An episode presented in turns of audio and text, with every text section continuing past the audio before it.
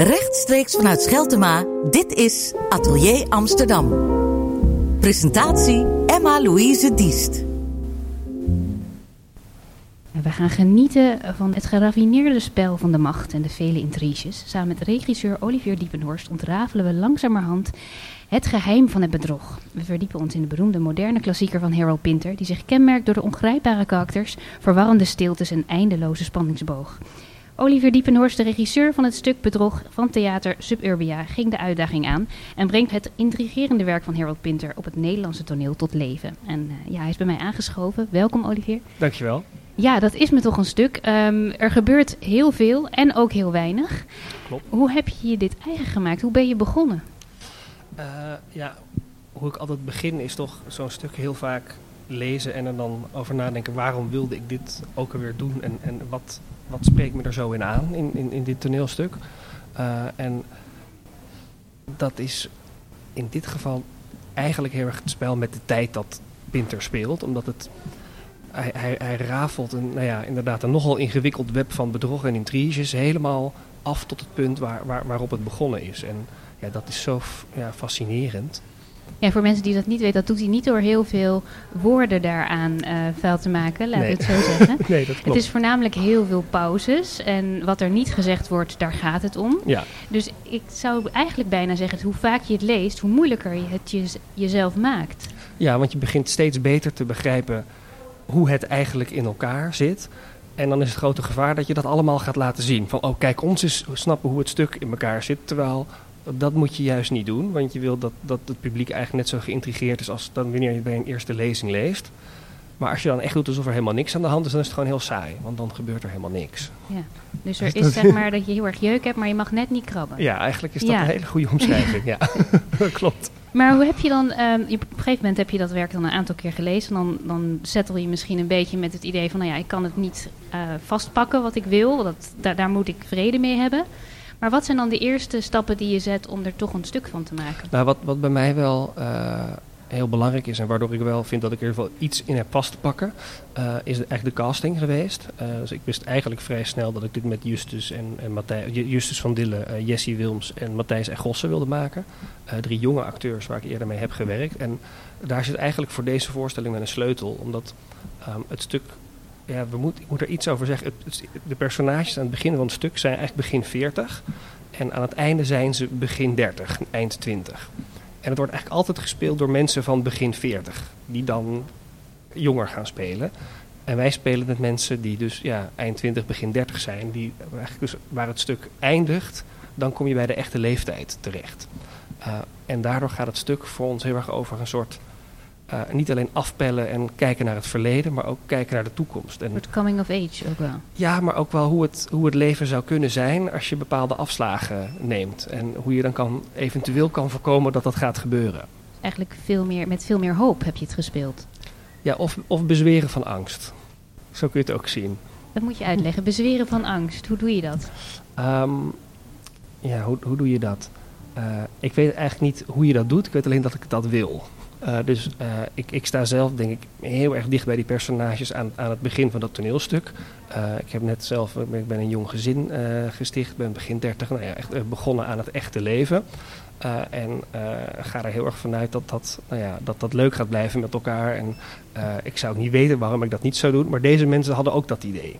Dat is niet en, helemaal gelukt. En dat is echt helemaal niet nee, gelukt, ja. want ze hebben uh, ze, ze, ze, plegen ontrouw, maar dat gaat eigenlijk ook, ze plegen ook echt verraad aan, aan vriendschap en aan hun idealen en, en, aan zichzelf. En aan het einde zijn het hele uh, eenzame, afgestompte mensen uh, geworden. Ja, want we zien een stel Robert en Emma. Ja. Er wordt ontrouw gepleegd, heen en weer eigenlijk. Ja. En dan hebben we degene, de beste vriend, Jerry, die er ook een ontzettend grote rol in heeft. Ja.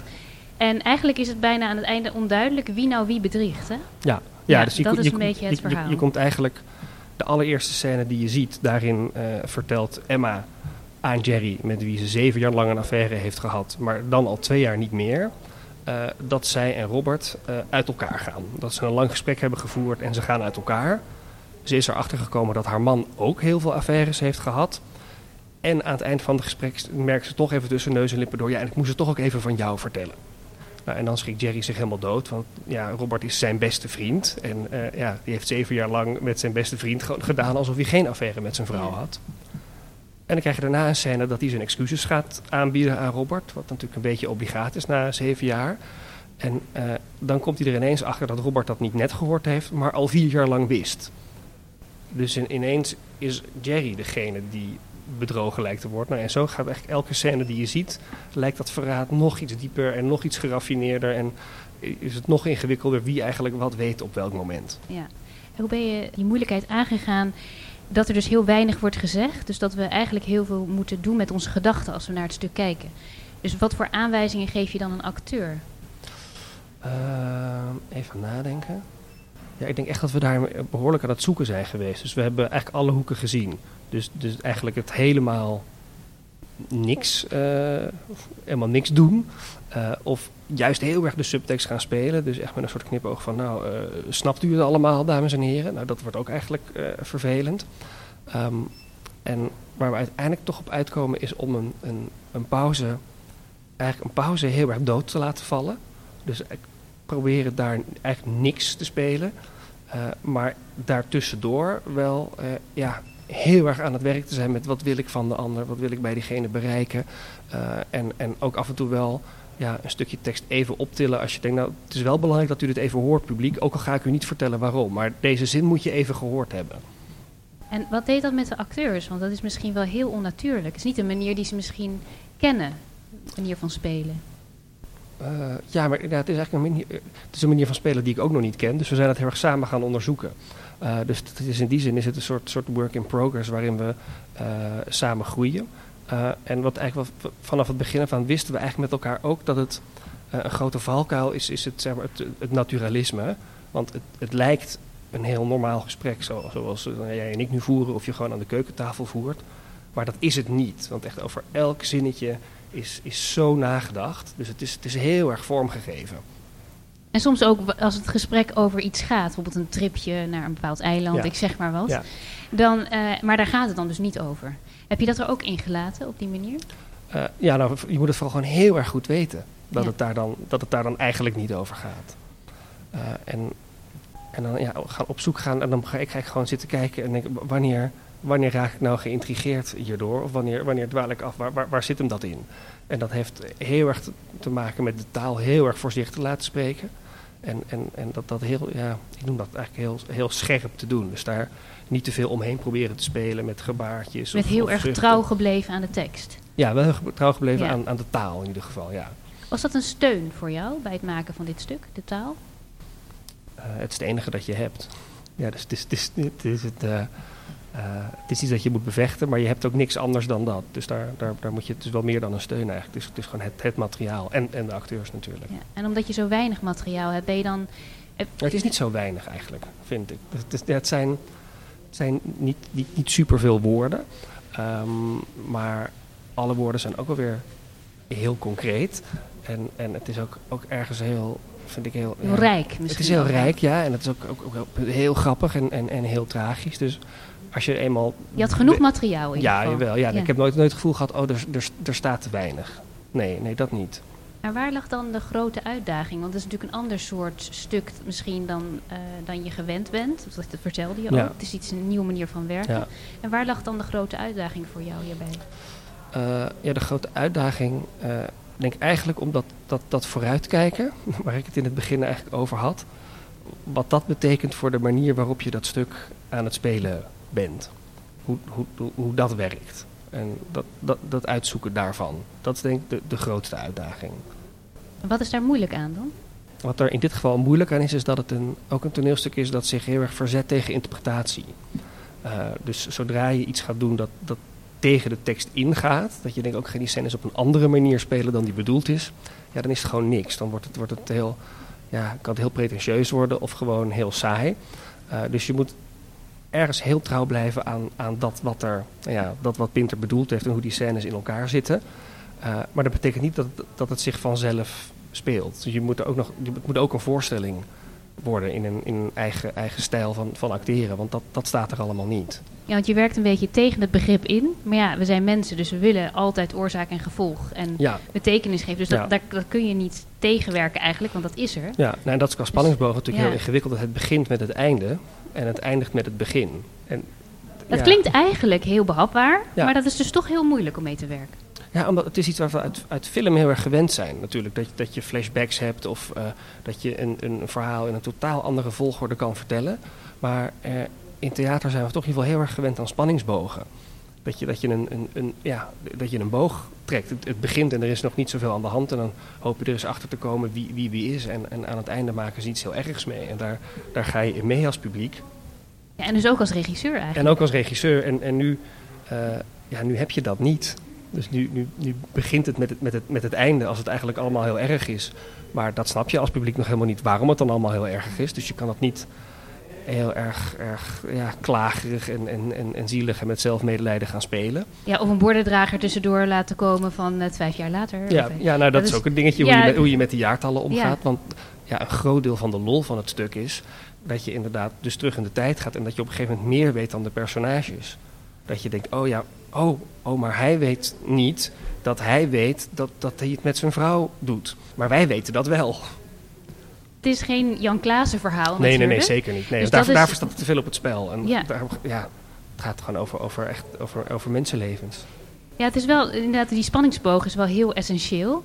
Zoals je ook zei in het begin, ik ga eigenlijk de angst aan. Ja, Dus het is eigenlijk wel een spannend project geweest dus. ja vind ik wel, ja. ja. Me- Merkte je dat al toen je dat werk aan het lezen was van... oh, hier zou ik wel eens tegen allerlei dingen aan kunnen gaan lopen... of ja, nieuwe dingen ontdekken. Ja, jawel, omdat het, dat het inderdaad, wat je zelf ook zegt, is repertoire waar ik zelf niet mee gewerkt heb. Ehm, dus dat realiseerde ik me meteen al van, oh ja, ik heb hier echt wel met de acteurs iets, iets in uit te zoeken hoe ik eh, een, een, een tekst die zo, zo uitgebeend is, maar zo ogenschijnlijk realistisch is, maar helemaal niet is, hoe je dat, eh, ja, hoe je dat eigen maakt en daar toch een, een, een persoonlijke voorstelling van kan maken. Eh, maar dat is wel heel erg aan het lukken, vind ik. Dus dat is heel fijn. Dat, dat, dat klinkt inderdaad wel Ja. heel goed. Dus je zei al dat je had heel veel steun ook omdat je het idee al had van welke acteurs je Ja. voor ogen had. Die had. Dat was eigenlijk, had je al besloten Ja. voordat je begon. Ja. Ehm, wat moet je als acteur voor kwaliteiten hebben om Pinter te kunnen spelen? Om Pinter te kunnen spelen, daar durf ik eigenlijk geen uitspraak over te doen. Want dit is de tweede keer dat ik een Pinter doe. Maar, het is een hele andere Pinter dan Nou, laten we het bij dit stuk houden. Inderdaad, gewoon dit stuk te kunnen spelen. Want ik denk dat niet elke acteur daarvoor geschikt is. Ehm, je moet het denk ik eh, leuk vinden om het op een bepaalde manier eh, van je af te zetten. Ja, even kijken hoe ik dat goed, goed uitleg hoor. Eh, om het niet allemaal psychologisch in te willen vullen. Dus het niet alles, alles volstoppen met gevoel, maar heel erg strak te blijven en op de tekst te vertrouwen. En tegelijkertijd er wel echt een laag onder te spelen. Dus het is enerzijds heel technisch wat je moet doen. eh, en tegelijkertijd moet je, het, moet je het ook wel vullen met je persoonlijkheid eronder. Je hebt ook gekeken naar de persoonlijkheid van de acteur. Ja, Ja, dat, ja, dat denk ik wel, ja. Ja. Toen je begon aan dit werk met de acteur samen, hoe heb je dat, eh, ben je samen dat stuk gaan lezen? Of Ja. hoe, want je, die, die hebt het over die lagen eronder, Ja. die moet je het ook een beetje samen gaan uit. Ja, dus we, we zijn gewoon eerst de hele, hele, de, de hele puzzel opnieuw. Die had ik natuurlijk, die, op een gegeven moment had ik die al in mijn hoofd, maar die zijn we opnieuw gaan maken. Van, oh ja, wanneer is er nou precies wat aan de hand? En een tijdlijn tekenen van hoe het, hoe het verhaal zich ontvouwt. En we hebben het stuk ook in omgekeerde volgorde gelezen, waarin je dus eigenlijk eh, dan leest hoe het normaaliter in de tijd zou lopen. Dus dat je wel begint met het begin en dan gewoon toewerkt naar het einde. heel verwarrend worden op een gegeven moment. Ja, ja, dat was vooral heel saai, merkten we. Dus op het moment dat je het, het, Dus het had wel echt een, een doel. ja, ja, dat had zeker, eh, ja, dat had zeker een doel, denk ik, ja. Eh, en en dan, ja, dan ga je eens met elkaar filosoferen over hoe, hoe, hoe, hoe speel je dit nou. En natuurlijk, er was al een, een idee voor het decor. Want daar had ik met de decorontwerper gesprekken over gehad. Eh, dus daar, dan weet je al wel iets over de, de stijl waarin je het met elkaar eh, denkt te gaan spelen. Eh, en wat voor mij heel belangrijk was, was dat je dat, eh, ja, dus dat, dat afbellen. Een soort, dat er ook bij de acteurs een soort bewustzijn is van, oh, we gaan terug in de tijd. We gaan door al die scènes heen om uiteindelijk bij, bij het begin uit te komen, dat we dat ook wilden laten zien. Dat, je dat, dat, dat, dat, moet, dat moet je zien, daar mag je bij zijn als publiek. En, en hoe heeft daar decor een, een rol in gekregen? Eh, ja, vrij, eh, vrij concreet eigenlijk, omdat er, eh, het decor bestaat eigenlijk, net als de tekst van Pinter, uit bijna niks. Het zijn negen doeken. Eh, in verschillende eh, kleuren en, en, materialen. En elke doek hoort bij een scène. En als een scène gespeeld is, uh, rukken we het doek naar beneden en ontstaat er weer een nieuw beeld. Dus ziet de wereld er eigenlijk weer net iets anders uit. en, en zo, nou ja, zo gaan we alle doeken af totdat we bij het begin zijn aangekomen. Echt specifiek gekozen voor een doek, ook met die reden? Ja, dat we er specifiek voor gekozen hebben. Ja. ja. Ja, En dat werkt op een gegeven moment. Al, uiteindelijk wel, maar we hebben ontzettend veel omwegen bewandeld en hele ingewikkelde systemen met, met honderd katrollen die we in het plafond hadden hangen en touwtjes en doeken die we op gingen tillen, trekken en weer naar beneden. En uh, dus we hebben er best een weg in afgelegd, maar we wisten wel dat het doeken waren in ieder geval. Op zich is dat wel helemaal in de lijn van het werk, dat je heel erg veel gedoe hebt en uiteindelijk gaan wij kijken en denken waarschijnlijk, nou, het is een heel simpel decor. Ja, heel simpel decor en dan heel simpel en, en gewoon heel goed je tekst zeggen. Ja. ja, ja, precies. Zijn er dingen in dit, in dit hele proces die je echt verrast hebben? Wat je echt van tevoren niet had kunnen, kunnen voor, voor ogen had dat dat zou kunnen gebeuren? Ja, even nadenken. Uh, Oh, daar moet ik echt even over nadenken. Want dat is wel degelijk aan de hand, denk ik. Nou ja, om voor een, een voorbeeld te geven. Wat, wat, eigenlijk in ieder proces heb je altijd wel dat je zo twee of drie weken voordat je in première gaat, doe je eens een keer een doorloop. En dan zie je, oh ja, dit is, dit is eigenlijk alle, dit is helemaal niet goed. Dit is helemaal niet wat we, wat we, wat we willen dat het wordt. Uh, en en, nou ja, dan heb je dan nog een soort twee weken om de boel te redden. En soms lukt dat en, soms niet. Uh, en dat hadden we nu ook eigenlijk. Dus vorige dinsdag deden we iets met heel veel touwen en, en katrollen en, en heel veel gedoe. Terwijl we waren echt heel erg overtuigd van dat het heel goed zou zijn. En toen deden we het en dachten we, het, is het, is, het is helemaal niks. Het is eigenlijk waardeloos. Uh, maar toen konden we daarna toch eigenlijk in drie dagen de boel zo omgooien. Waardoor het ineens helemaal was wat we oh ja, maar dit was eigenlijk wat we al die tijd probeerden te maken. Alleen we deden het, we deden het nog niet. Maar we wisten toch wat we wilden doen. Het klinkt ook wel heel erg dat je heel veel probeert. En dan, je hebt echt jezelf heel vrijgelaten als regisseur hierin, ja. denk ik. Ja. Dat, dat voelt ook zo, dat je, dat je echt jezelf hebt uitgedaagd. Ja, dat denk ik wel. Maar dat probeer ik, ja, dat probeer ik altijd te doen, want anders ga ik me vervelen. Ja, dat, Is, wel, dat is wel gevaarlijk, hè? Ja. verveling komt hier niet bij kijken. Nee, nee bij mij niet in ieder geval. Dus we, we, gaan, we trappen lekker maar lekker in alle vallen die jij voor ons gezet hebt, denk ik. Dat hoop ik. Ja, dat zou leuk zijn. Ja. Nou, dat gaan we doen. We gaan genieten van dit geweldige stuk Bedrog van Olivier Diepenhorst. Gaan we echt ontzettend genieten van al deze personages en al deze intriges. Dankjewel. Graag gedaan. Dankjewel.